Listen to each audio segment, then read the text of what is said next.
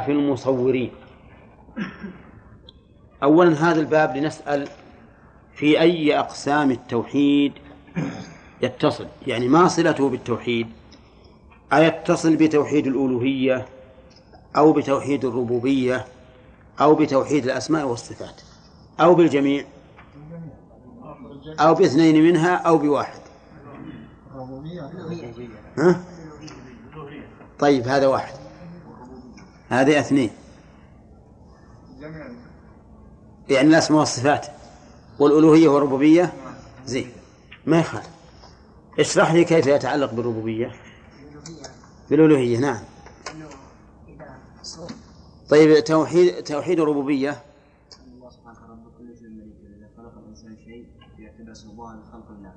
نعم. لمضاهاة خلق الله. تمام. في الأسماء والصفات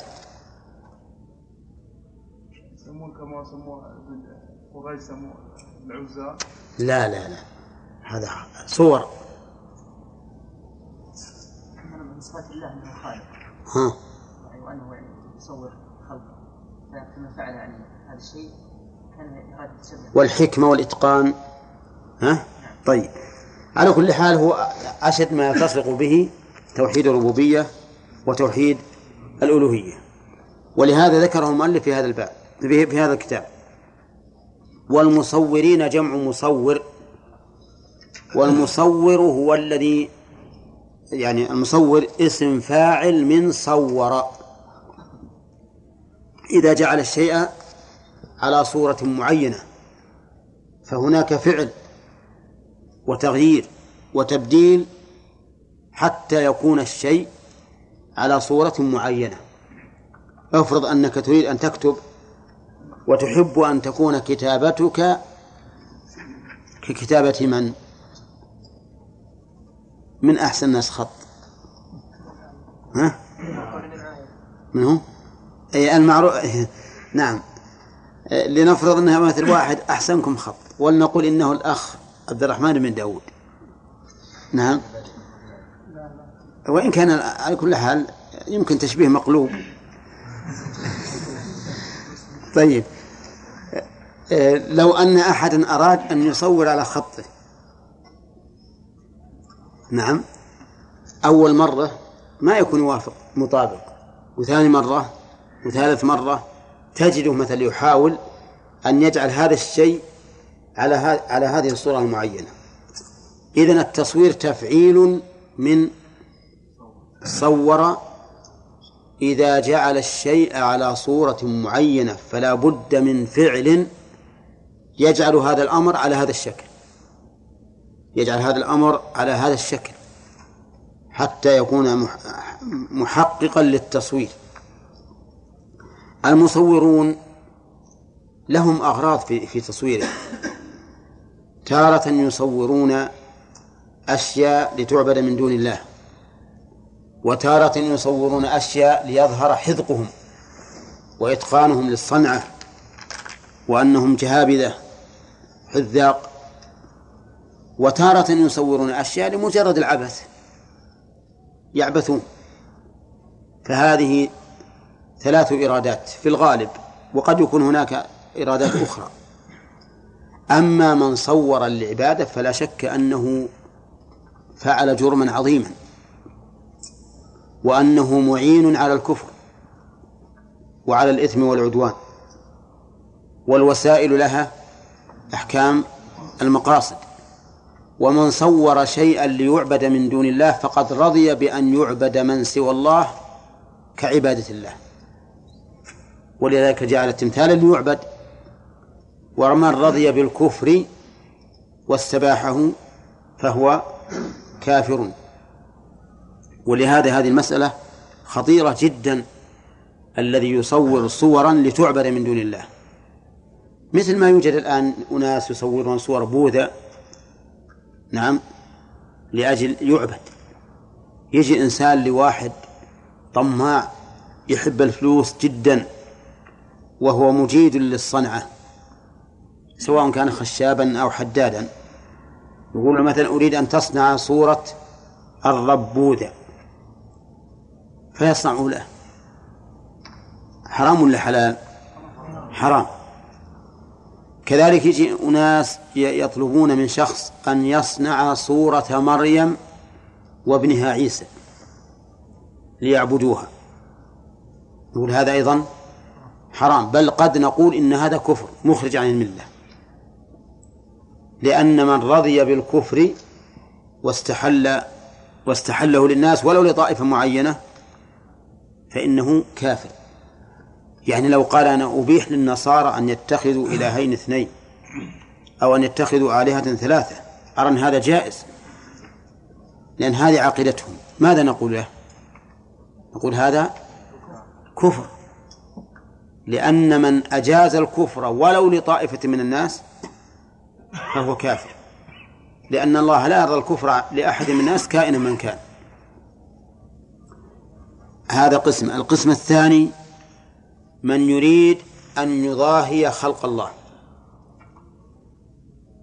من يريد أن يضاهي خلق الله بأن يقول أنا أستطيع أن أصور صورة على شكل الصورة التي خلق الله. وهذا ملعون. ومن أشد الناس عذابا.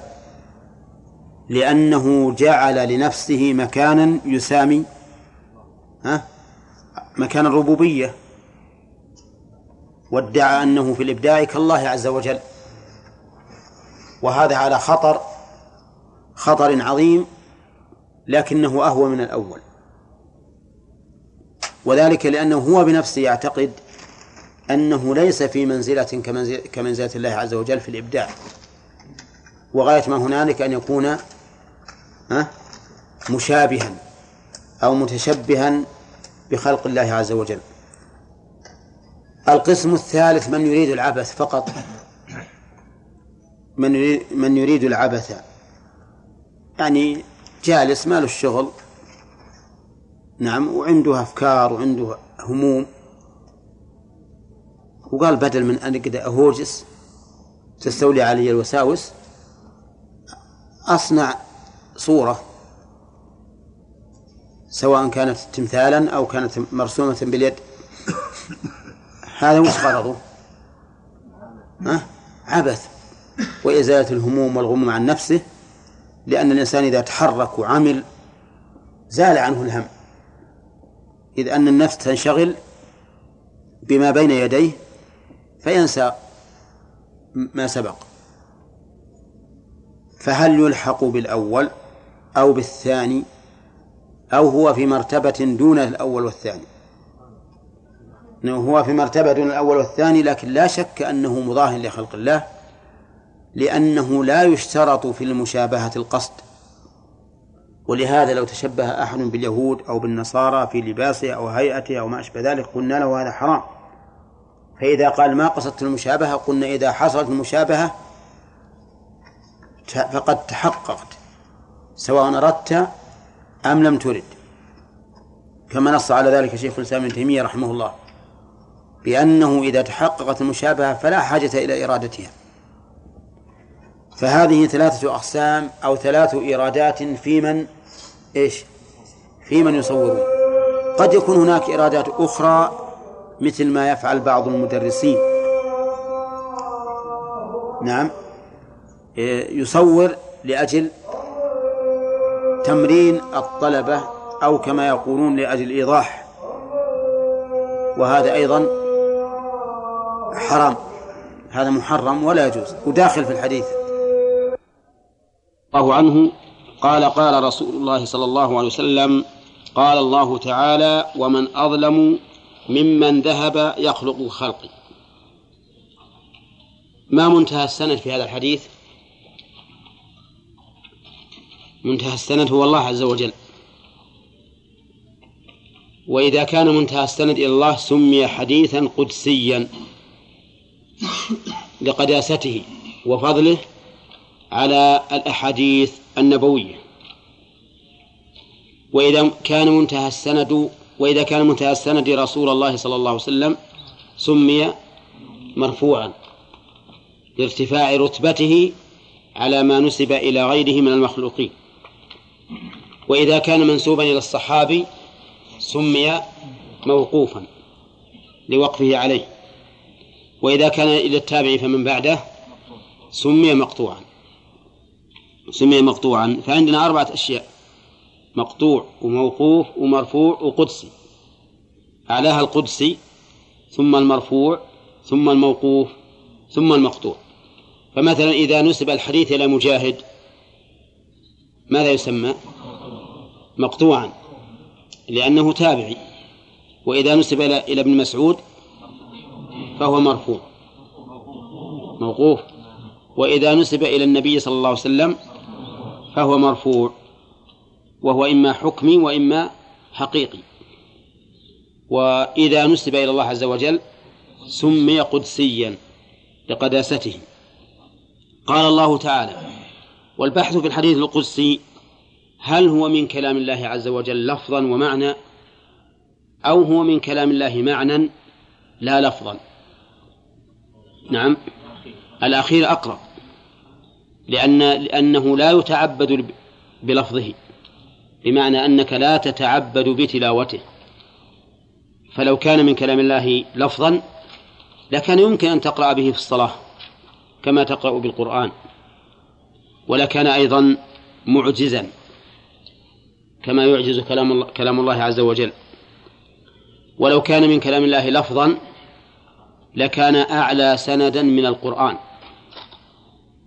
لأن السند سند القرآن بين الله بين الرسول وبين ربه جبريل. وهذا يرويه الرسول عن الله مباشرة كما يظهر من لفظه.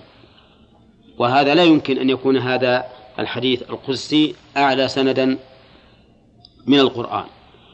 وقال بعض أهل العلم إننا نقول كما قال النبي عليه الصلاة والسلام قال الله ولا نبحث هل هو لفظ الله هل اللفظ لفظ لفظ الله عز وجل أو هل اللفظ كلام الله عز وجل أم لا؟ وليس لنا أن نبحث في هذا بل نقول كما قال النبي صلى الله عليه وسلم ولكن القرآن لا شك أنه أعلى من الأحاديث القصية بالاتفاق لأنه يتعلق بأحكام لا تتعلق بها لا تتعلق بالأحكام التي للأحاديث القدسية أو لا تكون مساوية لها. فالقرآن مثلا لا يمسه إلا طاهر. وهذا لو لو ألف الإنسان أحاديث قدسية كلها أحاديث قدسية يجوز للطاهر وغير الطاهر أن يمسه. القرآن لا يقرأه الجنوب وهذا يقرأه الجنوب. القرآن لو أنكر الإنسان منه حرفا واحدا مما أجمع القراء عليه لكان كافرا بخلاف هذا. القرآن لا يصح بيعه على رأي كثير من أهل العلم بخلاف هذا. والمهم أن هناك فروقا بين الأحاديث القدسية والقرآن الكريم. قال الله تعالى ومن أظلم ممن ذهب يخلق كخلقه. من؟ اسم استفهام والمراد به النفي أي لا أحد أظلم وإذا جاء النفي بصيغة الاستفهام كان أبلغ من النفي المجرد. أو من النفي المحض. لأنه إذا جاء النفي بصيغة الاستفهام صار مشربا معنى التحدي. كأن النافي يتحداك. يقول جب لي أحد. أشد من كذا. أو أعلم من كذا. أو أفهم من كذا. فبهذا نعرف أن الاستفهام الذي بمعنى النفي أبلغ في النفي من النفي المحض. المجرد لأنه يكون ها مشربا بالتحدي والتعجيز يعني متضمنا له. وقوله ومن أظلم ممن إذا قلنا إن معناه لا أحد أظلم فإنه يبقى فيه إشكال لأن مثل هذه الصيغة تكثر في القرآن وفي السنة. قال الله تعالى ومن أظلم ممن منع مساجد الله أن يذكر فيها اسمه. ومن أظلم ممن افترى على الله كذبا ليضل الناس بغير علم. وأمثلة هذا كثيرة. فكيف نقول لا أحد أظلم مع أنه في آية أخرى أو في نص آخر لا أحد أظلم؟ ألا يكون في ذلك تناقض؟ والجواب لا لأن المعنى أن هذه تشترك في الأظلمية. أن هذه تشترك في الأظلمية بمعنى أنها تكون في مستوى واحد في كونها في قمة الظلم. في كونها في قمة الظلم. هذا وجه. والوجه الثاني أن الأظلمية نسبية. بمعنى لا أحد أظلم من هذا في نوع هذا العمل لا في كل شيء. فمثلا ومن أظلم ممن افترى على الله كذبا ليضل الناس.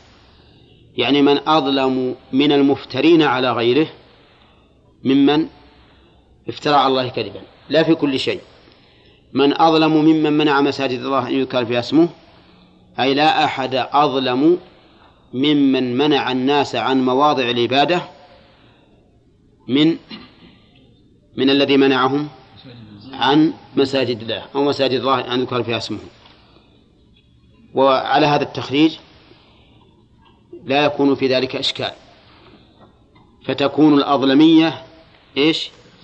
نسبية. أي بالنسبة إلى هذا النوع من العمل. من أظلم ممن ذهب يخلق كخلق الله.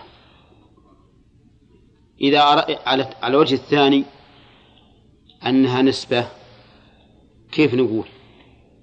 يعني من أظلم ممن يشابه أحدا في صنع شيء ممن ها؟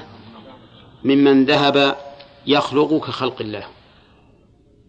ولكن هذا قد يقول قائل إن هذا في الواقع ليس فيه فائدة. لأن كونك تشابه فلانا في صنعه فيه ظلم ها؟ هو الأصل ما فيه ظلم. لكن ربما يكون فيه ظلم فيما إذا كان من حقه أن ينفرد بهذا العمل ثم جئت تزاحمه. في عمله فقد يكون في ذلك شيء من الظلم. وقوله سبحانه وتعالى ومن أظلم ممن ذهب يخلق. إعراب يخلق. محل من الإعراب إيش؟ نعم. ها؟ هي فعل مضارع لكن ما محله من الإعراب. حال من؟ من فاعل ذهب. يعني من أظلم ممن ذهب خالقا أي في الخلق كخلقي. وقوله يخلق كخلقي الخلق في اللغة في الأصل التقدير. كما قال الشاعر ولا أنت تفري ما خلقت وبعض الناس يخلق ثم لا يفري. تفري أي تفعل. وما خلقت أي ما قدرت. ويطلق الخلق على الفعل بعد التقدير. وهذا هو الغالب. أن الخلق الناشئ عن تقدير وتأمل ونظر. نعم. وهذا التأمل ونظر بالنسبة للإنسان لا لا بالنسبة لله هو هو الخلق. فعلى هذا نقول الخلق هنا بمعنى الصنع بعد النظر والتأمل من هذا المصور. وقوله ممن يخلق كخلقي فيه إثبات أن غير الله قد يكون خالقا. مع أننا نعرف أن توحيد الربوبية هو إفراد الله تعالى بماذا؟ بالخلق والملك والتدبير. كما مر علينا فيما سبق أظن. إفراد الله تعالى بالخلق والملك والتدبير. هذا توحيد الربوبية. ما مر عليكم هذا سابقا؟ ها؟ نعم. بالخلق والملك والتدبير. إذا معناه ما مر عليكم هذا. ها؟ مرة ها؟ لا أظنه مر في أول كتاب التوحيد. نعم بالخلق والملك والتدبير. وذكرنا الأدلة على ذلك من الكتاب. وأوردنا إشكالا بأن غير الله يخلق وأن غير الله يملك وأن غير الله يدبر. نعم. وأجبنا عن ذلك بأن غير الله لا يخلق خلق إيجاد وتكوين وإنما يخلق خلق تغيير وتحويل. بمعنى أن أن هذا الذي سميناه خالقا لم يخلق مادة الشيء وإنما غيرها إلى صفة معينة. مثال ذلك صانع الباب يسمى خالقا له لكن هل هو حقيقة هو الذي خلقه؟ ها؟ لا لأن الخشب الذي خلقه الله. لكن هذا الرجل حول الخشب من صورته الأولى إلى إلى أن إلى تكوينه بابا. فليس هذا بخلق في الحقيقة لأن الخلق الإيجاد والتكوين وهذا ليس بخالق على هذا الوجه. كذلك ذكرنا الملك أن الله سبحانه وتعالى منفرد بالملك. والأدلة واضحة عندكم.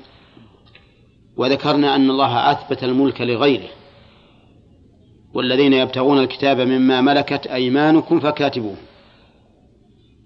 كيف يكون هذا؟ وذكرنا أن ملك الإنسان لما يملكه قاصر بنوعه وشموله. أما بشموله فأنا لا أملك إلا ما ما هو ملكي فقط.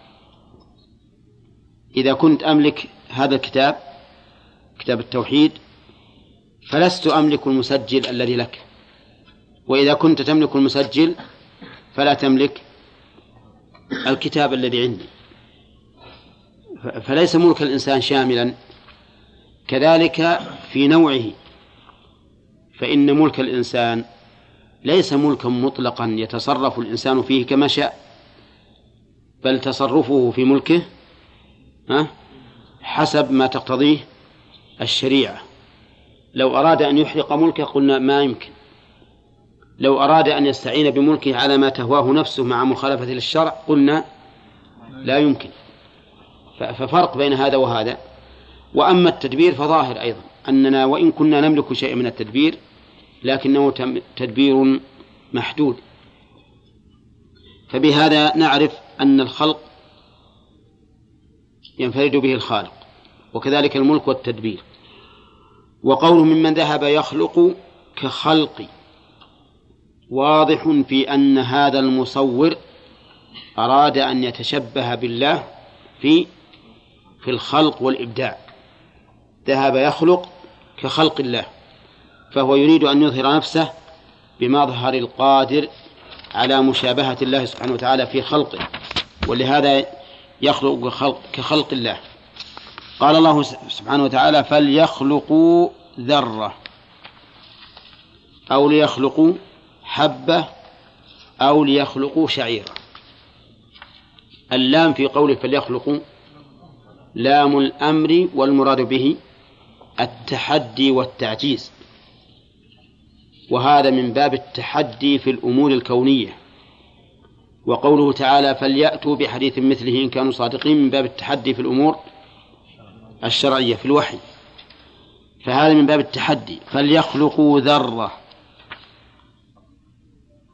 الذرة هي واحدة الذر وهو النمل الصغار. هذا هو المعروف في لغة القرآن. لأن ذلك هو ما يقصد بهذا اللفظ في اللغة العربية التي هي لغة القرآن. وأما من حاول أن يفسر الذرة بما يعرف الآن فهذا قد أبعد النجعة وأخطأ وحمل كلام الله على غير مراد الله. لأننا نعلم أن الله إنما أراد باللفظ الذي أنزله على محمد صلى الله عليه وسلم أراد بهذا اللفظ ما يدل عليه بلغة القوم الذي نزل بلغتهم وهم العرب. وهل العرب تعرف الذرة التي تكون منها القنبلة الذرية؟ ها؟ ما تعرفها أبدا. فلا يجوز أن يحمل كلام الله على هذا المعنى لأن الله خاطبنا بلغة العرب. الذرة من أصغر المخلوقات ويضرب بها المثل في القلة. وانظر إلى قول الله تعالى فمن يعمل مثقال ذرة خيرا يره ومن يعمل مثقال ذرة شرا يره. هذا ضرب مثل في القلة ولو أن الإنسان عمل أقل من الذرة ها؟ يراه ولا لا؟ ها؟ يراه. ما لهذا الكتاب لا يغادر صغيرة ولا كبيرة إلا أحصاها. وإنما ذكر الله عز وجل الذرة لأن فيها روحا. وهي من أصغر الحيوانات ذات الروح. أو ليخلقوا حبة أو هذه للتنويع. وليست للشك من الراوي ولا للتخيير ولكنها للتنويع. يعني انتقل من أن يتحدى من التحدي بخلق الحيوان ذي الروح إلى التحدي بخلق الحبة التي هي أصل الشجرة مثلا أو الزرع. ثم انتقل أو ليخلقوا شعيرة. هل المراد الشعيرة شجرة الشعير؟ ويكون الأول ذكر فيه التحدي بأصل هذه الشجرة اللي هي الحبة. الحبة إذا غرست في إذا وضعت في الأرض خرج ساق الشعير. أو أن المراد بالشعيرة الحبة من الشعير. ويكون هذا من باب التنزل من العموم إلى الخصوص. العموم الحبة تشمل أي حبة تكون شعيرة برة ذرة أي حبة تكون أو تكون شكا من الراوي.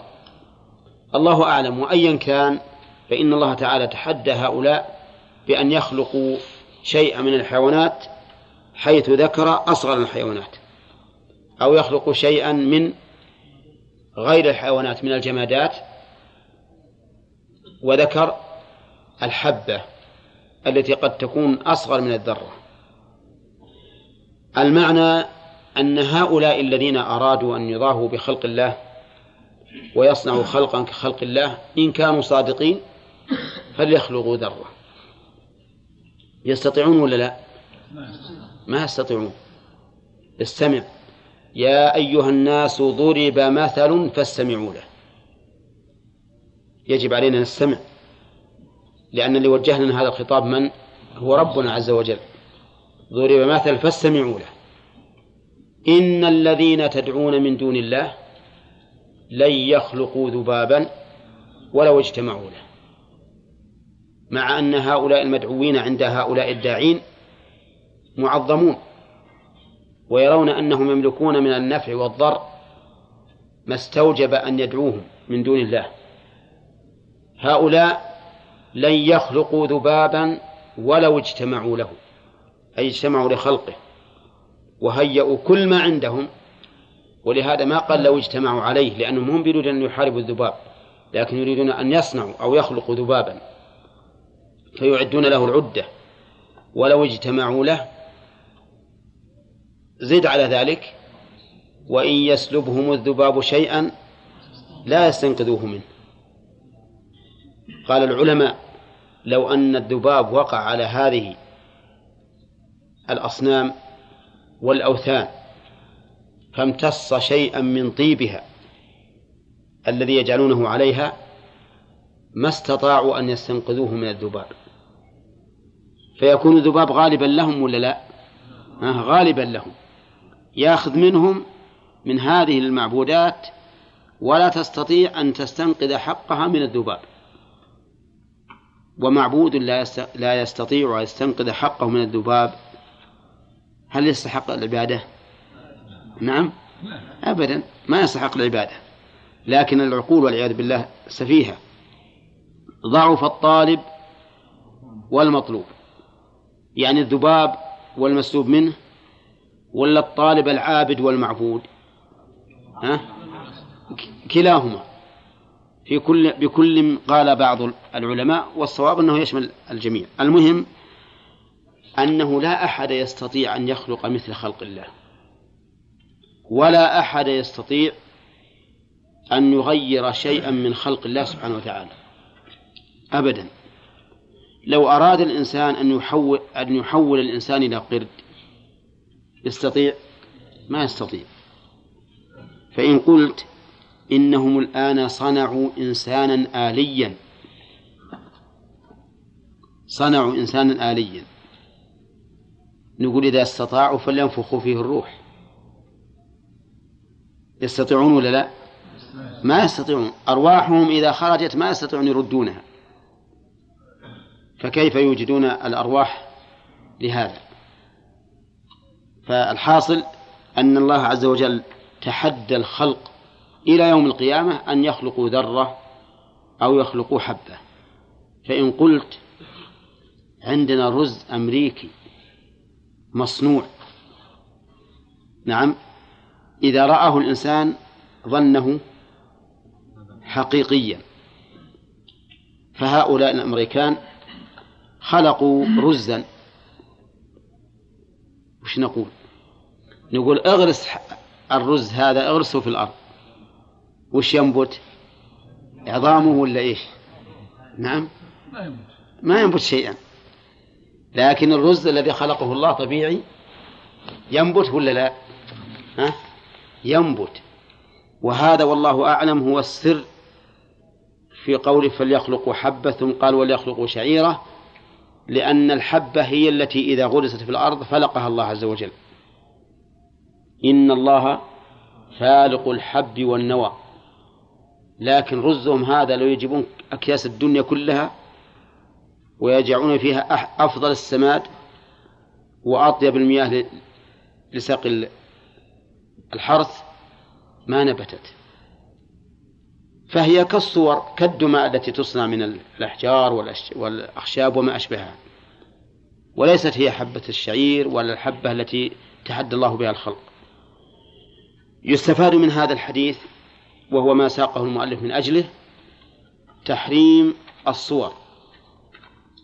ولا لا؟ تحريم الصور. لأن المصور ذهب يخلق كخلق الله. والتصوير له أحوال. الحال الأولى أن يصور الإنسان ما له ظل كما يقولون أي ما له جسم. على هيكل إنسان أو بعير أو أسد أو ما أشبهها هذا واحد وهذا أجمع العلماء فيما أعلم على تحريمه وأنه حرام. فإن قلت إذا صوره الإنسان لا لمضاهاة خلق الله ولكن صوره عبثا يعني صنع من الطين أو من الجص أو من, أو من الخشب أو من الأحجار شيئا على صورة حيوان ما قصده أن يضاهي بخلق الله. قصده عبث وإلا لصبيه الذي قام يصيح. نعم بيصنع له شيئا من هذا ليهدئه به. هل يدخل في الحديث؟ ها؟ نعم. يدخل في الحديث. لأنه خلق كخلق الله. خلق كخلق الله. ولأن المضاهاة لا يشترط فيها القصد. وهذا هو سر المسألة. المضاهاة لا يشترط فيها القصد. متى حصلت؟ ثبت حكمها. ولهذا لو أن الإنسان لبس لباسا يختص بالكفار ثم قال أنا ما أردت التشبه ماذا نقول له؟ نقول التشبه حاصل. أردته أم لم ترده؟ ولو أن أحدا تشبه بامرأة في لباسه أو في شعره أو ما أشبه ذلك وقال ما أردت التشبه؟ قلنا وحصل التشبه فالمضاهاة لا يشترط فيها القصد. طيب إذن هذا النوع من الصور حرام سواء قصد بذلك مضاهاة خلق الله أم لم يقصد. طيب إذا قال قائل أفلا تقولون إن الذي يحرم من هذا النوع ما صور لتذكار قوم صالحين أو لعبادته كما هو أصل الشرك في قوم نوح. فما الجواب؟ نقول الحديث عام. الحديث عام. ما ذكر في هذا القصد؟ لكن إذا إذا انضا إذا إذا انضاف هذا القصد إلى التصوير صار أشد صار أشد إثما وعقوبة. القسم الثاني أن يصور صورة ليس لها ظل صورة بالتلوين والتخطيط. مثل أن يرسم بيده صورة فهل يجوز ذلك أو لا؟ نقول الحديث عام. والمصور بيده المشكل للصورة على وجه معين. هذا لا شك أنه ذهب يخلق كخلق الله. ويدل على أن الحديث على أن هذا داخل في الحكم. حديث النمرقة. حين أقبل النبي عليه الصلاة والسلام إلى بيته فلما أراد أن يدخل رأى نمرقة فيها تصاوير. فوقف وتأثر وعرفت الكراهية في وجهه. فقالت عائشة ماذا أذنبت يا رسول الله؟ فقال إن أصحاب هذه الصور يعذبون. يقال أحيوا ما خلقتم. أحيوا ما خلقتم. وهذا واضح في أن الصور بالتلوين كالصور بالتجسيم. وعلى هذا فقوله في صحيح البخاري إلا رقما في ثوب. إن صحت الرواية هذه الاستثناء فالمراد بالرقم ما يحل أو ما يحل تصويره من الأشجار ونحوها. القسم الثالث أن يصو أن يلتقط الصورة التقاطا بدون فعل منه وبدون أي عمل. وإنما يسلط عليها أشعة معينة فتنطبع هذه الصورة في ورقة معينة بدون أن يحدث منه أي تعديل أو تحسين. وهذه محل خلاف بين العلماء المعاصرين لأنها ما خرجت إلا حديثا فاختلفوا فيها. فمنهم من قال إنها صورة وإذا كانت صورة فإن حركة هذا الفاعل يعتبر تصويرا. يعني لأنه أحدث صورة. فهو لما حرك الآلة وتسلطت الأشعة هذه على هذا الجسم فالتقطته فإن هذا هو التصوير. لأنه حرك الآلة ولو تحريك إياها من, من طبعت هذه الصورة؟ فيكون داخلا داخلا في العموم. ونحن متفقون على أن هذه صورة. لكن الخلاف هل هو تصوير أو غير تصوير؟ فهم يقولون إن هذه الحركة تعتبر تصويرا وأنها داخلة في التحريم. بل هي داخلة في كونها من أظلم الظلم وداخلة في اللعن أيضا كما كما سيأتي. ومنهم من قال إنها ليست بتصوير لأن التصوير فعل المصور وهذا الرجل ما صورها في الحقيقة وإنما التقطها بالآلة والتصوير والتخطيط من صنع الله سبحانه وتعالى وليس من صنعي أنا. وقالوا إن أقرب مثل يقرب ذلك أنك لو كتبت كتابا ودخلته في آلة التصوير. ثم خرج من هذه الآلة فإن رسم الحروف من محرك الآلة ولا من الكاتب الأول؟ من الكاتب الأول. بدليل أن هذه الآلة قد يشغلها شخص أمي ما يعرف يكتب إطلاقا ولا يعرف يحدد. وهذا أقرب. لأن هذا المصور لا يعتبر مبدعا ومخططا. ولكن يبقى عندنا نظر آخر. هل يحل هذا الفعل ولا ما يحل أو لا يحل؟ إذا كان لغرض محرم صار حراما لأن الوسائل لها أحكام المقاصد. وإذا كان لغرض مباح صار مباحا. وعلى هذا فلو أن شخصا صور إنسانا لما يسمونه بالذكرى سواء كانت هذه الذكرى للتمتع بالنظر إليه أو التلذذ به أو من أجل الحنان والشوق إليه فإن ذلك محرم ولا يجوز لما فيه من اقتناء الصور. لأنه لا شك أن هذه صورة ما ما أحد ينكر أن هذه صورة وإذا كان لغرض مباح كما يوجد في في التابعية والرخصة والجواز وما أشبه فهذا يكون مباحا.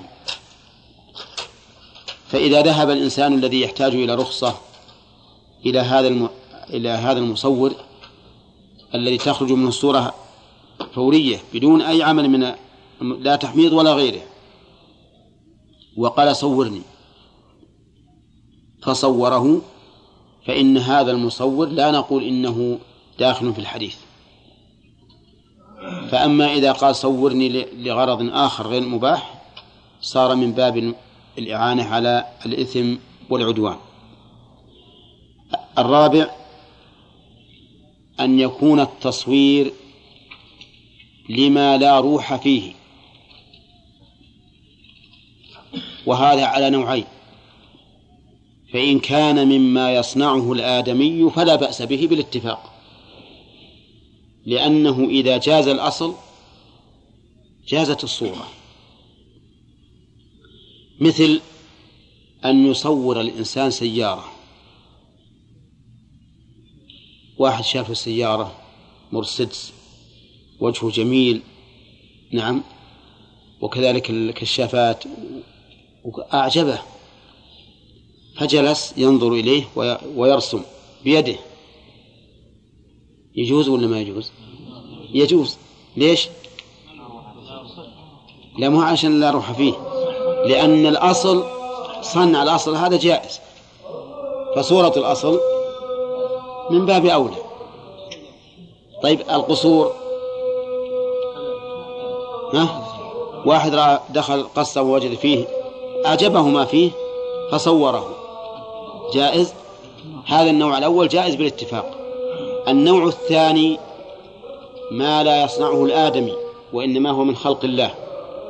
مثل الشجر. نعم.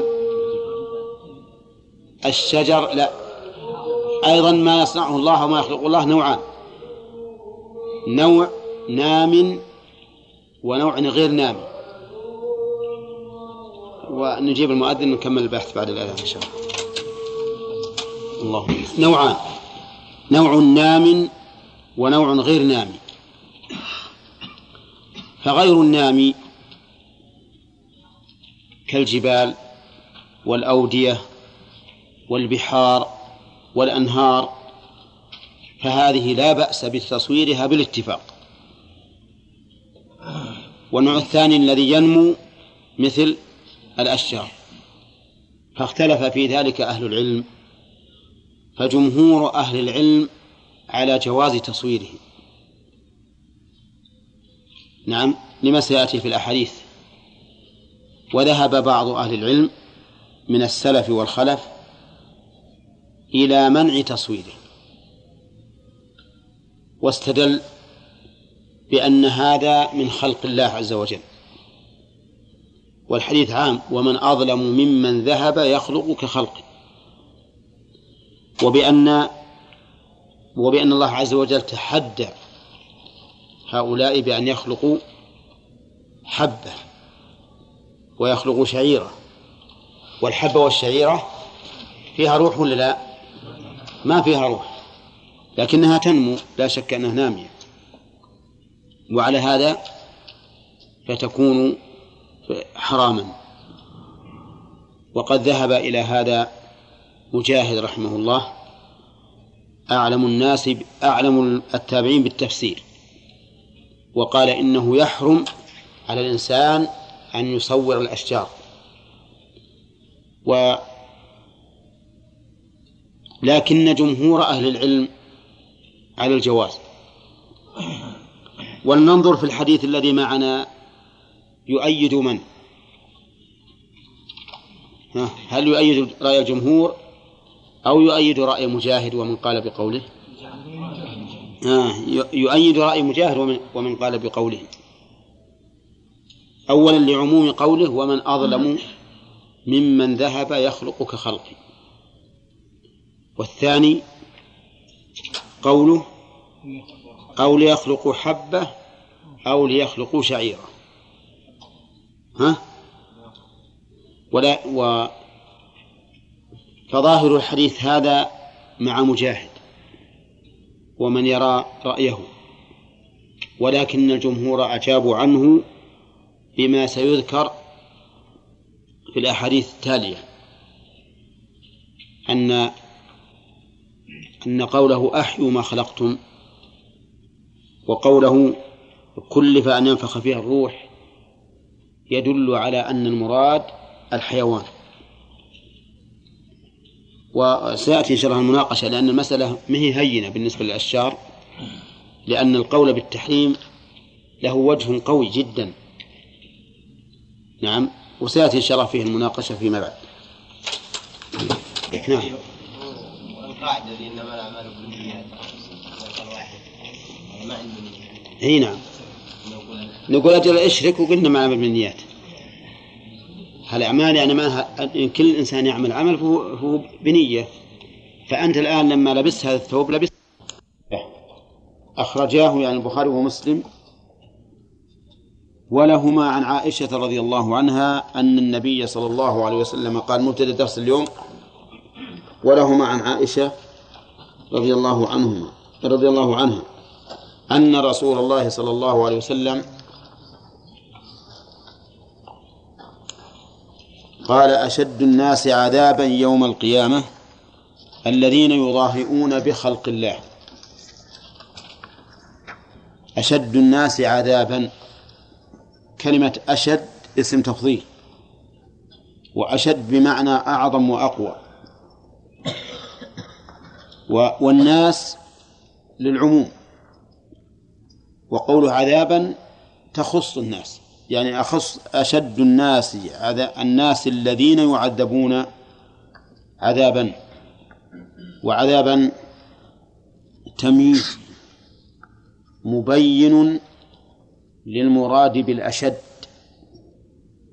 لأن التمييز كما تعرفون اسم ها اسم بمعنى من مبين نكرة ينصب. ينصب تمييزا. أشد الناس عذابا والعذاب يطلق على العقاب ويطلق على ما يؤلم ويؤذي وإن لم يكن عقابا. فمن الأول قوله تعالى أدخلوا آل فرعون أشد العذاب أي العقوبة والنكال لأنهم يدخلون النار والعياذ بالله. يقدم قومه يوم القيامة فأوردهم النار. ومن الثاني قول النبي عليه الصلاة والسلام السفر قطعة من العذاب.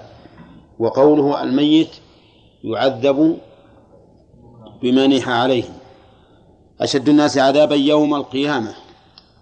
يوم القيامة هو اليوم الذي يبعث فيه الناس. وسمي يوم القيامة لأنه يقام فيه العدل. كما قال تعالى ونضع الموازين القسط ليوم القيامة. ويقوم فيه الأشهاد. ويقوم فيه الناس من قبورهم لله عز وجل. نعم. لرب العالمين. وقول أشد مبتدأ والذين يضاهئون خبره. الذين يضاهئون خبره. ومعنى يضاهئون أي يشابهون بخلق الله أي بمخلوقات الله سبحانه وتعالى. من هؤلاء الذين يضاهئون بخلق الله؟ هم المصورون. فإنهم يضاهئون بخلق الله. سواء كانت هذه المضاهاة جسمية أو وصفية. فالجسمية أن يصنع صورة مجسمة والوصفية أن يصنع صورة ملونة لأن التلوين وصف للخلق. تلوين التخطيط باليد وصف للخلق. وإن كان الإنسان ما خلق الورقة ولا ولا ولا صنعها لكن وضع عليها هذا التلوين الذي يكون إيش؟ وصفا لخلق الله عز وجل. هذا الحديث كما نعلم أو كما تعلمون جميعا كما نعلم جميعا يدل على أن المصورين يعذبون وأنهم أشد الناس عذابا وأن الحكمة من ذلك مضاهاتهم خلق الله عز وجل. وليست الحكمة كما يدعيه كثير من الناس أنهم يصنعونها لتعبد من دون الله فذاك شيء آخر.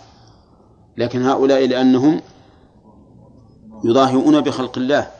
أما من صنع شيئا ليعبد من دون الله فإنه حتى وإن لم يصنع صورة نعم لو أتى بخشبة ووضعها وقال هذا اعبدوه مثلا. دخل في الوعيد يعني في أنه أعان على الإثم والعدوان. لكن هذه العلة المضاهاة بخلق الله. وقوله يضاهئون هل الفعل يشعر بالنية أو نقول إن المضاهاة حاصلة سواء كانت بنية أو بغير نية؟ ها الثاني ما دام ما دامت المضاهاة حصلت سواء نوى أم لم ينوي لأن العلة هي المشابهة وليست قصد المشابهة وهناك فرق بين أن نقول إنه لا بد أن يكون قاصدا للمضاهاة فلو جاء رجل وقال أنا ما أريد أن أضاهي أنا أريد أن أصور هذا للذكرى مثلا لأتذكر به أو ما أشبه ذلك نقول هذا حرام. لأن متى حصلت المضاهاة ثبت الحكم. لأن الحكم يدور مع علته. كما قلنا في من لبس لباسا خاصا بالكفار إنه يحرم عليه أن يلبس هذا اللباس. لو قال أنا ما قصدت التشبه نقول له ولكن حصل التشبه. فالحكم المقرون بعلة لا يشترط فيه القصد. متى وجدت هذه العلة ثبت الحكم. فيستفاد من هذا الحديث كما قلت تحريم التصوير وأنه من الكبائر لثبوت الوعيد عليه وأن الحكمة منه المضاهاة بخلق الله عز وجل ويستفاد به ويستفاد منه وجوب حماية جانب الربوبية وأن لا يطمع أحد في أن يلحق بالله عز وجل في ربوبيته. لقوله الذين يضاهئون بخلق الله. ومن أجل هذا حرم الكبر لأن فيه منازعة للرب عز وجل وحرم التعاظم على الخلق لأن فيه منازعة للرب سبحانه وتعالى وكذلك الآن هذا الذي يصنع ما يصنع ليضاهي خلق الله فيه منازعة لله عز وجل في ها في ربوبيته في أفعاله ومخلوقاته ومصنوعاته ففي فيستفاد من هذا الحديث وجوب إيش؟ احترام جانب الربوبية فكما أنه لا يمكن لأحد أن يطمع في أن يعبد من دون الله ويتخذ إلها فلا يمكن لأحد أن يطمع في أن ينال شيئا من خصائص الربوبية. وإلا لفات التوحيد. وفي هذا الحديث إشكال وهو قوله أشد الناس عذابا أشد مع أن هؤلاء المصورين فيه من هم أشد منهم ذنبا مثل المشركين والكفار وقد اختلفت أجوبة الناس في ذلك. فمنهم من قال إن الحديث على تقدير من إن من أشد الناس. نعم. وقد ورد في أحاديث أخرى ما يؤيد هذا حيث جاءت بلفظ من إن من أشد الناس عذابا. ومنهم من قال إن الأشدية لا تعني أن غيرهم لا لا يشاركهم بل غيرهم قد يشاركهم ويشتركون في الأشدية. كما في قوله تعالى أدخلوا آل فرعون أشد العذاب. وهذا وإن كان سليما حيث يقال فيه كما قلنا في الأظلمية لكنه يشكل عليه أن المصور لا يساوي في الجريمة ما صنعه آل فرعون. فإذا قلنا إن المصورين وآل فرعون يشتركون في الأشدة في الأشدية بقي عندنا إشكال وهو كيف يستوي هذا الذي يصور وهو فاعل كبيرة بمن هو خارج عن الإسلام ومستكبر. نعم. لا شك أنه أن هذا أن هذا الإشكال وارد. حتى لو قلنا بأن الجامع بينهما أن آل فرعون ينازعون في الربوبية. بل قد قال لهم فرعون أنا ربكم الأعلى. والمصورون ها فيهم منازعة في الربوبية حيث ضاهوا بخلق الله عز وجل. ولكننا نقول ولو كان التقدير هكذا أو ولو كان الأمر هكذا لكن فرق بين إيش؟ المنازعتين. منازعة آل فرعون ليست كمنازعة المصور. ولهذا فيه رأي آخر ثالث وجه ثالث. يقولون إن هذه الأشدية نسبية. هذه الأشدية نسبية. يعني أن الذين يصنعون أشياء الأشياء ويبدعونها نعم أشدهم عذابا هم الذين يضاهئون بخلق الله. فمثل من ضاهى بصنع واحد من البشر. وإن كان قد يكون فيه ظلم كما لو زاحمه فيما هو من اختصاصه فإنه لا يكون كظلم من نازع الله تعالى في الربوبية. وعلى هذا فتكون الأشدية نسبية. وهذا أقرب على أن فيه شيء من النظر.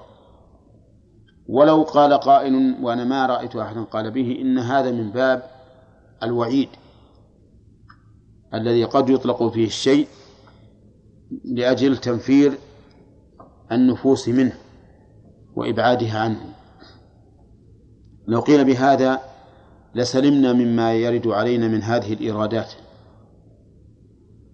وعلى كل حال ما لنا إلا إلا أن نقول كما قال النبي صلى الله عليه وسلم إن أشد أشد الناس عذابا يوم القيامة أشد الناس عذابا يوم القيامة الذين يضاهئون بخلق الله.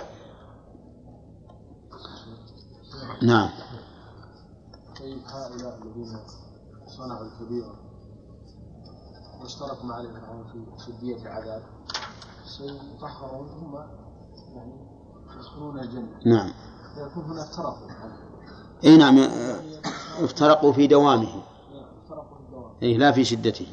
ولكن شدة تكون واحدة. حتى الشدة يعني كونها تكون واحدة في ابتداء الأمر.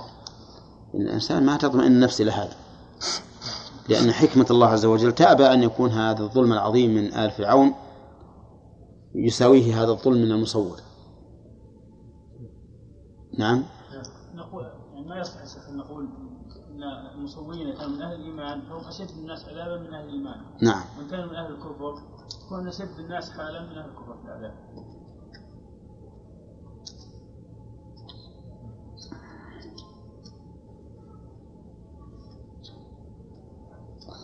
طيب حتى أشد الناس عذابا من من المسلمين فيها شيء من من النظر أيضا. لأن في مثلا جرائم أعظم من هذا. كالربا مثلا. ولكن ما قلته يعني له وجه ما ما ينقص عن الوجوه التي ذكروا اللي ذكروها نعم.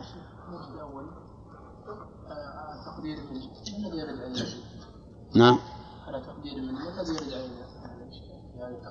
إذا قدر إن من أشد الناس نفس الشيء.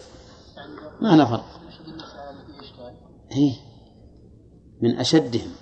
فهم شاركوا ال- الأشدي الأشدون أو الأشدين من أشدهم. نعم مثل ما تقول من أفضلهم شارك الأفضل. نعم. بالنسبة للشيخ عام الذين يظهرون بخلق الله يعني خلينا المصورين الذي له آه، آه، مماثلة أو مضاهاة لخلق الله اللي عنده نية أو نعم نعم. سواء أراد أو لم يرد. إنما الأعمال بالنيات وكذلك العلة يظاهرون بخلق الله. لكن العمل المفسدة ولو لم ينوي. لو زنى رجل وقال ما أردت الزنا. أو راب وقال ما أردت الربا. وهذا شيء معل- معلق بالفعل. الحكم والعقوبة معلقة بالفعل. فما دامت حصلت المضاهات ثبت الحكم. الذين يضاهئون. ولم يقل الذين ينوون ذلك. فالمفسدة إذا حصلت ما هو شرط النية؟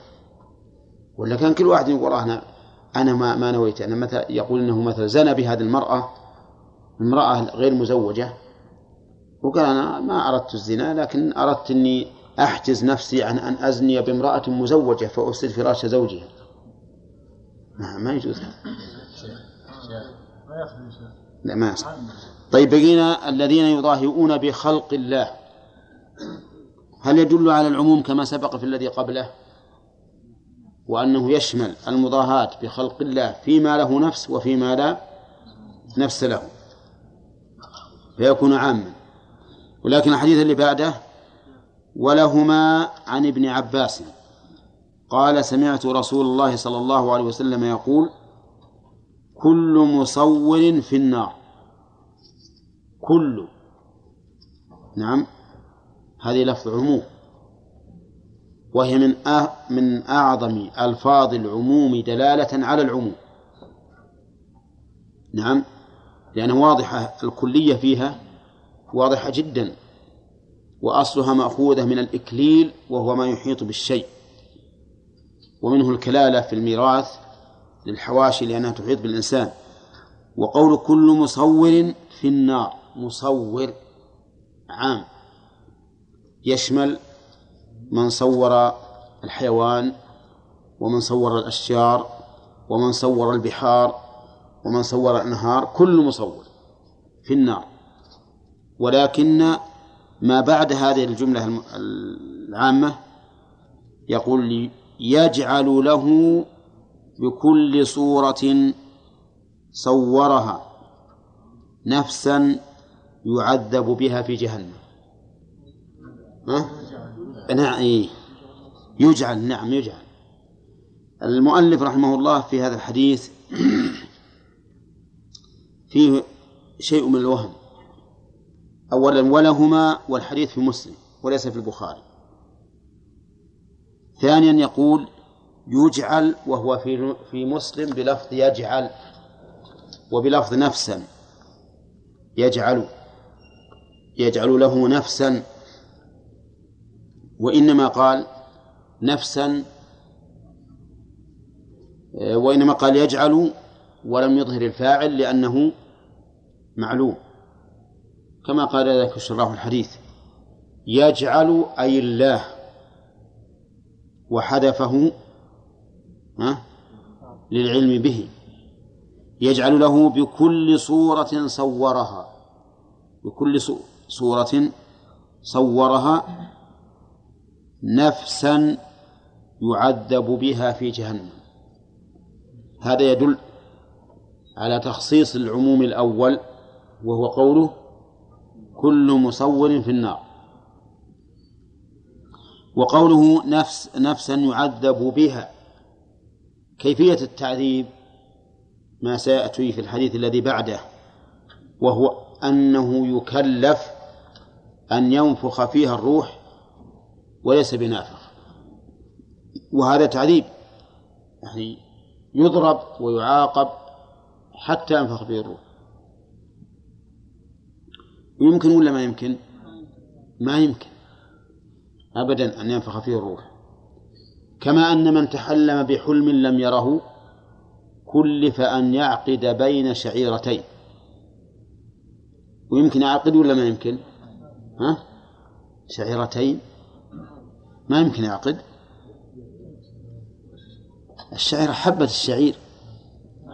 يعني يعقدها مع الحبة الأخرى يخليها عقدة. خير. ما عقد بين شعيرتين. المهم من هذا المراد به التعذيب في أمر لا يمكن أن يكون. نعم. اللي بعده يمكن. ولهما مرفوعا من صور صورة. لا لا. لا الحديث الأول في مسلم فقط. نعم. رواه البخاري في البيوع. ونقل مسلم أيهن. نفس أو من صور صورة. لا كذلك رواه البخاري الثاني. إيه؟ رواه البخاري لا لا أبدا راجعوها في البخاري راجعوها. هو يقول في البيوع راجعوها. راجعوها مو بهذا نعم. نفس معذب نفس يدل على مكان قابل للحياة من تخصيص العذاب فنصور مكان قابل للحياة إيه نعم. هذا هذا إحنا قلنا. طيب الآن نشوف الحديث.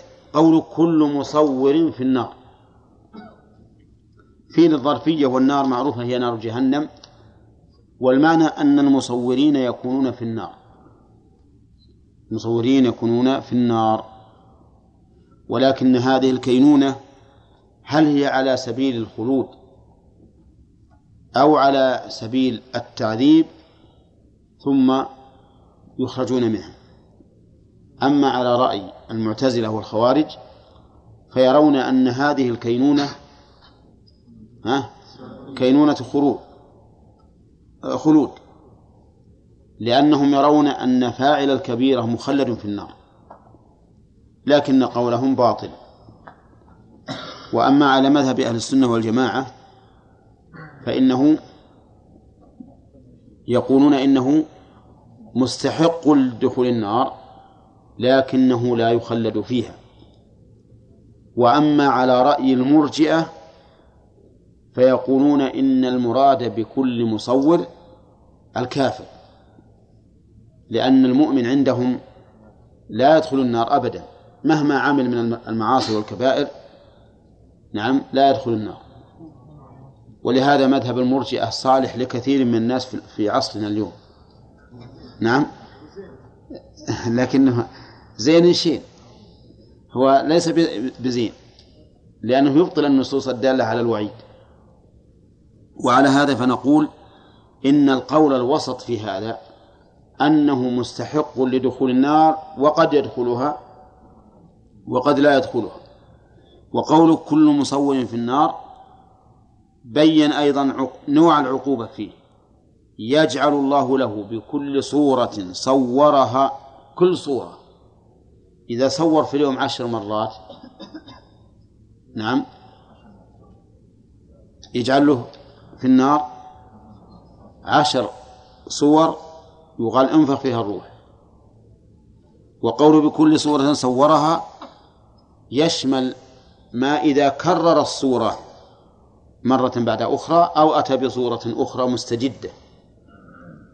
أولى فلو صور لإنسان أربع صور نعم نسخة واحدة أربع صور يكلف أن ينفخ في كل واحدة. إذا كان معدل ما يصور في في, في اليوم عشر. كم في الشهر؟ ثلاثمائة. وكم في السنة؟ ثلاثة آلاف وست ها؟ وستمائة. ثلاثة آلاف وستمائة بالسنة يكلف في نار جهنم أن ينفخ فيها الروح. يعني نعم يعذب بها في النار. يعذب بها في النار. طيب وظاهر الحديث أنه يبقى في النار معذبا حتى تنتهي هذه الصور.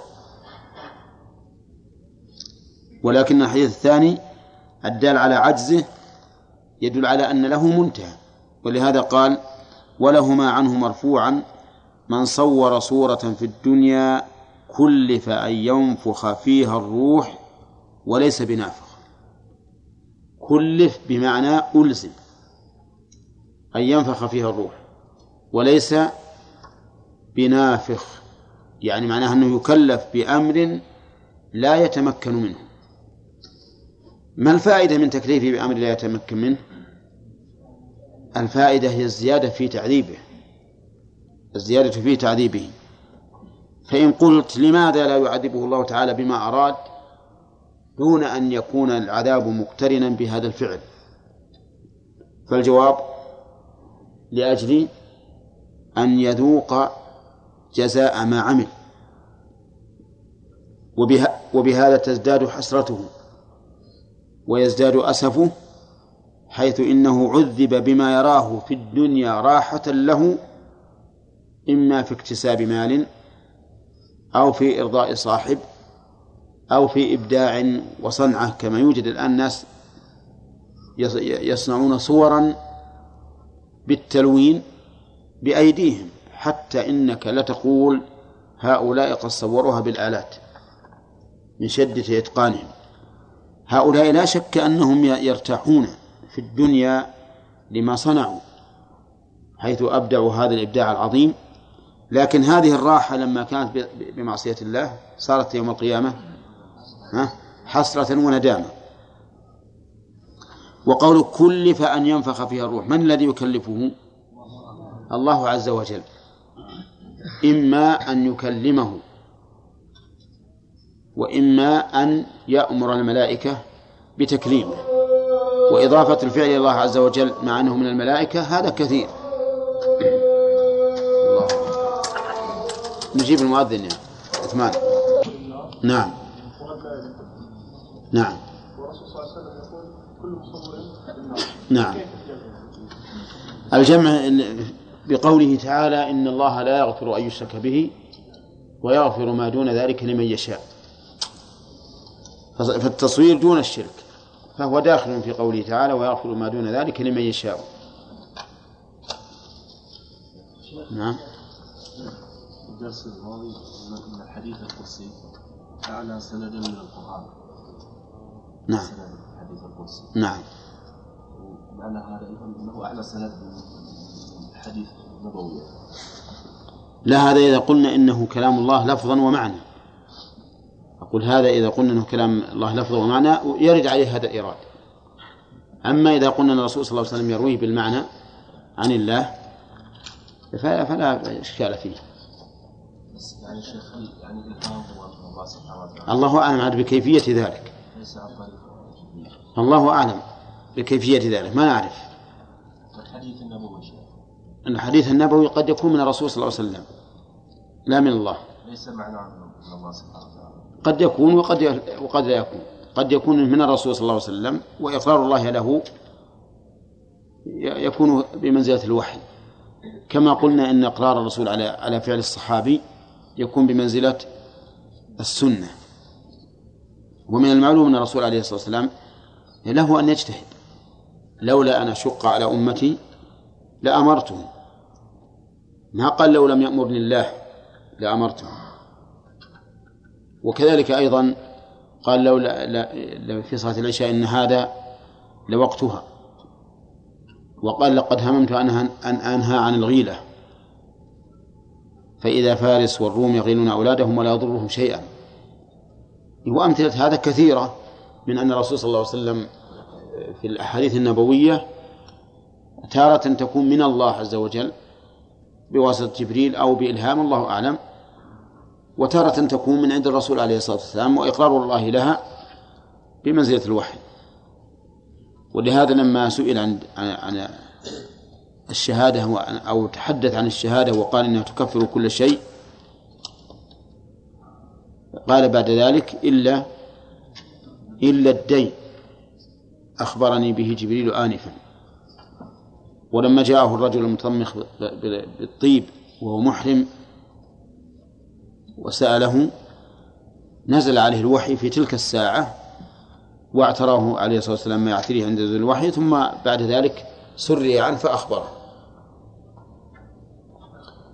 نعم. ها؟ ألفية. الحديث هذا سيقول التصوير أصبحت يعني مما تعم به البلوى نعم. حاليا. نعم. وعرفنا حكم المصور. نعم. فما حكم المصور؟ إيه. المصور نقول إيه، قد رضي بالحرام فيكون مشاركا في الإثم. ضرورة مثلا أنا التبعية ما ممكن إلا لا هذا ضرورة لا بأس به. الضرورات تبيع المحظورات. لا مو على الشيء هذا. يعني رأي كثير من العلماء وأنا أرى كذلك أن التصوير الفوتوغرافي هذا ما يدخل في الحديث. لأن التصوير الفوتوغرافي التقاط لما لما خلقه الله عز وجل فقط. فلهذا نقول إذا نقول أنت الآن إذا اضطررت إلى إلى وجود الصورة عندك وذهبت إلى هذا الذي يصورك ويعطيك صورك في الحال بدون أنه يعدل فيها أو يبدل. يقول أما هو فلا يدخل في اللعن فلا يدخل في الأشدية ولا في الظلم. أي نعم. ولا في اللعن أيضا. يضع المصور ها؟ المصور. أي نعم. يعني مثلا يقول لك اختر يعني يمين ميل يسار راسي اي لا على هو من أجل ضبط الصورة من أجل ضبط الآلة فقط. حتى بعد لا هي هي نوعين. الآلة الفوتوغرافية يقولون أنها نوعين. نوع نوع نوع تحتاج إلى تحميض وتحتاج إلى تعديل. هذه يظهر أنها تدخل في الحديث. لأنه بالحقيقة ضاها خلق الله. بما أما إذا كان لأن في في شيء أنا شاهدته في شيء أنا شاهدته سلطة على على الجرم اللي تبي وتطلع على طول صورة. ما يقبلونها في الدراسة؟ ما يقبلونها؟ هذه ما تقبل. عجيب. الله التي تستخدم هي هذه التي تحمل. لأنها أبقى وأقوى. أما هذه لا ورقها رقيق. ونوعيتها يعني لكن الحين اللي تحمض المحمض هذا ما هو يصنع فيها شيء؟ لابد نعم يخططها ويرسمها نعم. وزين عيونه وأنفه وشفتيها وكل شيء؟ إذا هذا حرام. هذا داخل في الحديث. لا قد يحطها شيخ ها؟ الصورة إيه؟ يحطها بالتحمير إيه؟ الصورة. بعد ما ما في تحقيق هذا التلوين ممكن. لا هو يختلف. حتى هذا يختلف. بعضهم بعضهم إيه؟ لو تبيه بساعة على طول. بدون أنه يعدل ويبدل. هذا ما ما يدخل في التحريم. شيخ هم يتباهون المصورين فيما بينهم يعني إنه يعني أبرع في التقاط الصورة. إيه بس بضبطها أمام الآلة فقط. لأنك إذا أردت إن- يعني أنا الحقيقة اللي اللي اللي أوجب لي هذا إن إن المثال اللي ذكره من من أباح ذلك ما يقدر الإنسان ينازع فيه. قال لو أنك جبت ورق كتاب بقلم فلان ودخلته في الآلة التي تصور وطلع الكتاب فهل أنت الذي لما حركت الآلة هل أنت اللي كتبت الحروف هذه؟ ولا الأول؟ الأول. فهو يقول هذا ما حصل من التصوير ولا تخطيط ولا تعديل ولا تبديل.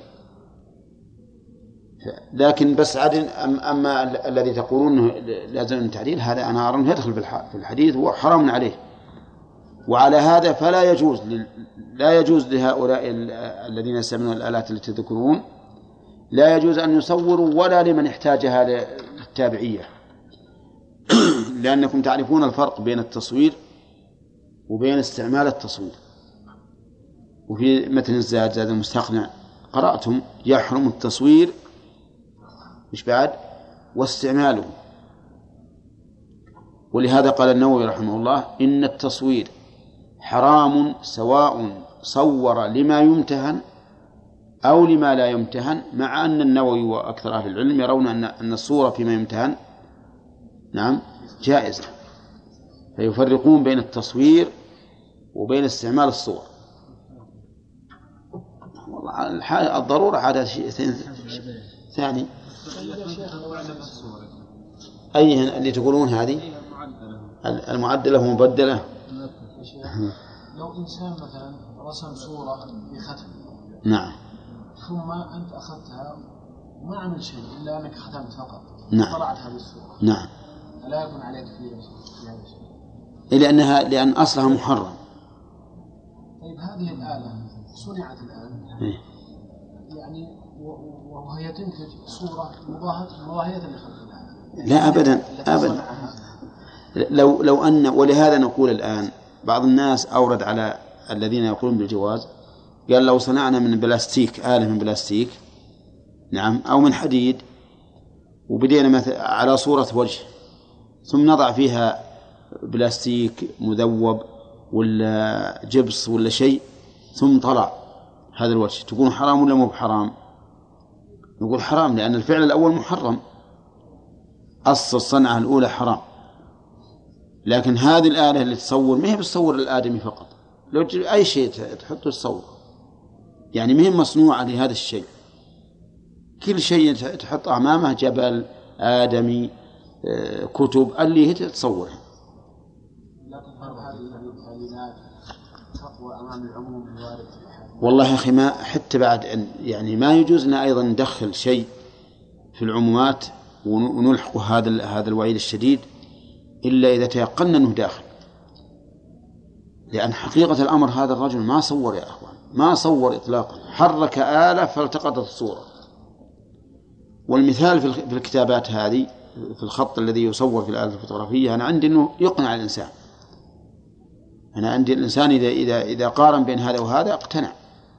ما في شك. أبدا أنا ما راهيت يا أخي. أنا إنما نقلت صورة صورها الله عز وجل. فقط. ولا ما عدلت العيون ولا ولا الأنف ولا الشفتين ولا شيء أبدا. نعم. ما راهيت أبدا. ما حصلت. حصلت يعني. أصلا ما صنعت أنا.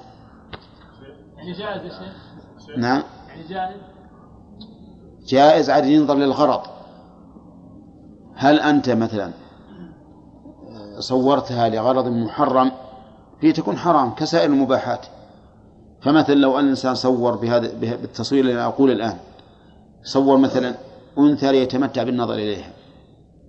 هذا حرام. معلوم. أو صور شيئا للذكرى يقتنيه لأن اقتناء الصور حرام. نعم. على كل حال لا يضيع علينا الوقت. أنا أنا رأيي في هذا. الذي أراه الآن تحرير رأيي في هذه المسألة. إذا كان التصوير التقاطا محضا ليس لمن التقطه أي عمل فيه فلا أرى أنه يدخل في- النص. وليس مضاهي لخلق الله ولا ولا ولا نستطيع أن نقابل الله عز وجل بأن نلحق عباده من الوعيد ما لا يتبين لنا أنه داخل فيه. أما إذا كان في هذا التصوير الفوتوغرافي شيء من التعديل الذي تحصل به المضاهاة فهذا حرام وداخل بالحديث هذه واحد هذا بالنسبة لع- لعمل التصوير أو لعمل الصورة. أما بالنسبة لاتخاذ الصورة فإن اتخاذ الصورة عند أهل العلم محرم في الأصل سواء كان ذلك للتمتع بالنظر إليها. أو للتلذذ بها من الناحية الجنسية أو كان ذلك لمجرد الذكرى. وأما إذا كان للامتهان ففيه خلاف. وأنا في نفسي منها شيء. في استعمال الصور للامتهان في نفسي من ذلك شيء. وذلك لأن حديث النمرقة الرسول صلى الله عليه وسلم توقف ما دخل. مع أن النمرقة للوسادة هي قالت لها عائشة رضي الله عنها إنها فعلت ذلك ليتوسلها. توقف وقال إن أهل هذه الصور يعذبون يقال أحما خلقتم ثم قال إن الملائكة لا تدخل بيتا فيه صورة. فظاهر ذلك أنه حتى فيما يمتهن لا يجوز أنك تبقي الصورة. فالورع عندي أن لا تستعملها حتى في المخاد اللي فيه يوجد مخاد الآن فيه صورة حمام أو طاووس. هذا أيضا لا تستعمله إذا أردت الورع فاترك. لا تستعمله. وإن كان أكثر أهل العلم يرون جواز ذلك فيما يمتهن نعم. يكفي. أنا أعطيتكم الآن رأي ولا ولا في خلونا نأخذ لو بيت من الألفية الحين الأخ عبد الباقي عبد التواب. شيخ بالنسبة قلت أنت هذه الكاميرا عندما تنقل الصورة هي خلق الله نفسه. نعم. فإحنا نقول لو جاء رسام متقن نعم. ونقل نفس صورة الشخص كما قلت سابقا بأن في ناس ينقلون الصورة بالرسم باليد نعم. كأنها صورة. هي نعم. فلو جاء انسان ونقلها بالضبط كما هي نعم. كأنها صورة. هي نعم. فهل هذا يجوز؟ لا ما يجوز. طيب هذه الكاميرا. هذه الكاميرا نعم. بقول لبعض أهل العلم نعم. هذه الكاميرا ماذا تعمل؟ نعم. إنما هي ترسم هذه الكاميرا نعم. إنما هي ترسم ولكن رسم هذه الكاميرا أدق بكثير من رسم الإنسان لانها مصنوعه بدقة وإن فعلها هذا إنما هو رسم لا ما هو رسم ما هو صحيح لو قالوا ما هو صحيح لكن هذه الأضواء الم- المشعة هي التي رسمت هذا الشيء أما ما ما تشوف مثلا آلات تتحرك وترسم العين وترسم الشفة وت- وترسم الأنف ما ما تشوف هذه ولا فيها هذه أيضا. لكن هذا بواسطة بواسطة الإضاءة القوية هذه عاد ما أدري شلون الأشعة عندهم. سم. أنا أع- أعطيتكم رأيي في الموضوع. الهياج قولنا اذا صور عشر مرات نعم. من فعله لا ما هو من فعله هو. أما من فعل غيره فقد يكون من باب من باب من باب العقوبة على المتسبب. أما المباشر هو على ما صوره هو.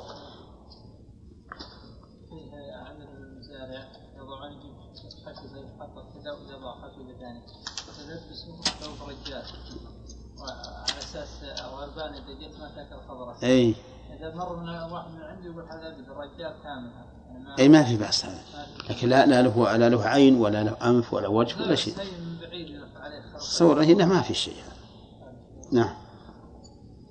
نعم. لكن إن اعتقد أنه ذكر يجوز يلبسه ثوب أنثى. ولا يكون تشبه. طيب. ولمسلم عن ابن هياج رضي الله عن ابن هياج وهو من التابعين. قال قال لي علي بن أبي طالب ألا أبعثك على ما بعثني عليه رسول الله صلى الله عليه وسلم؟ البعث هو الإرسال بأمر مهم كالدعوة إلى الله وما أشبه ذلك. هذا هو البعث. قال الله تعالى ولقد بعثنا في كل أمة رسولا.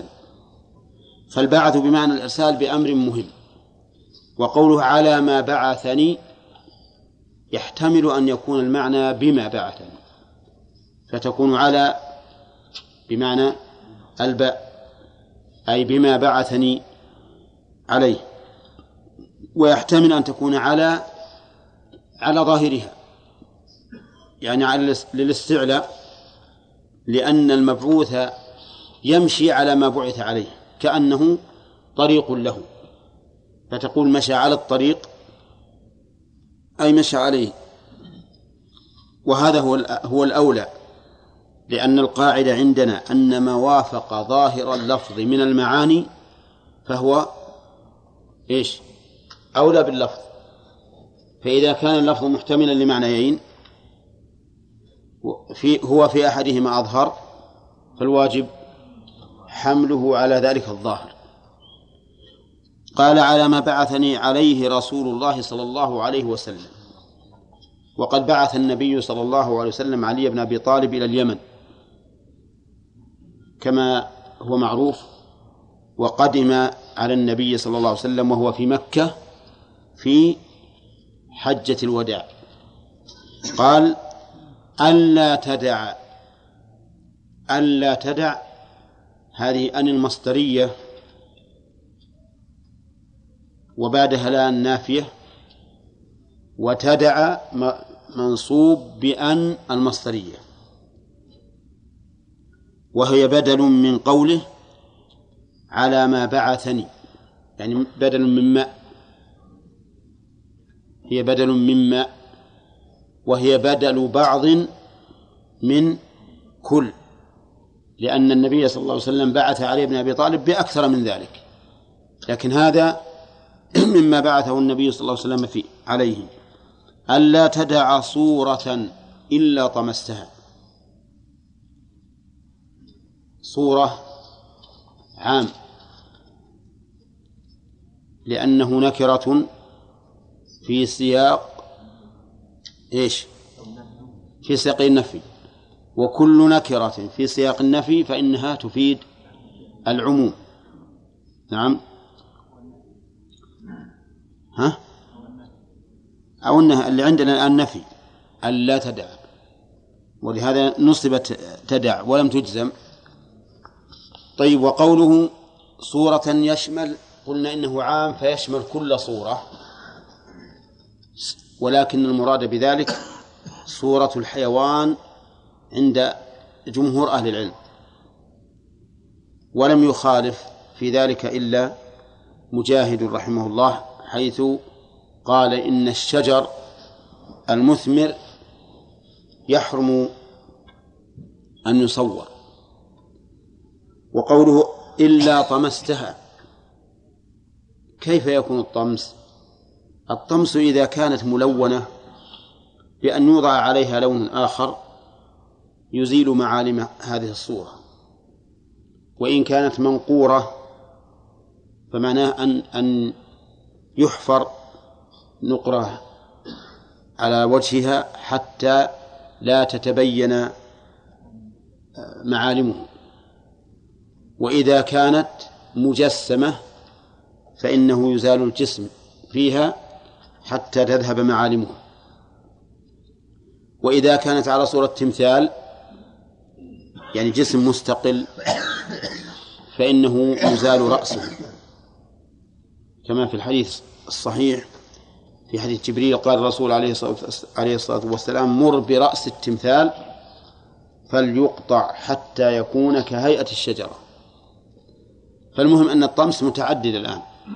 ملون ومنقور ونابي وتمثال.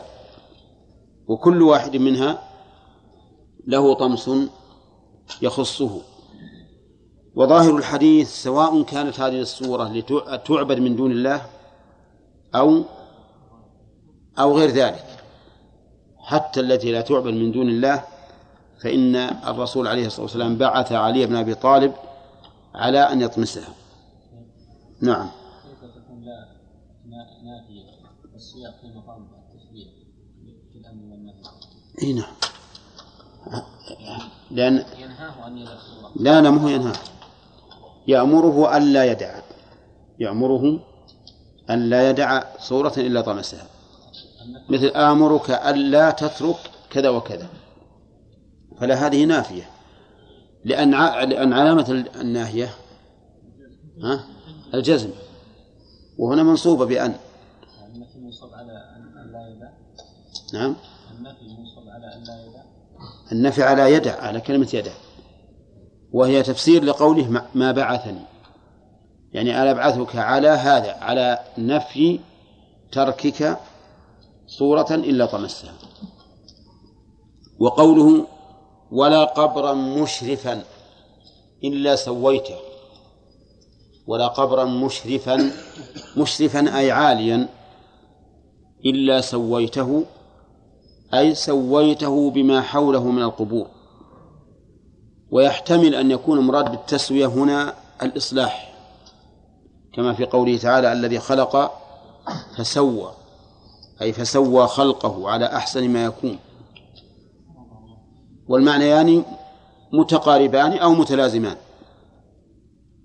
لكن المعنى الأخير أحسن لأنه على فرض أن القبور كلها مشرفة نردها جميعا إلى إيش؟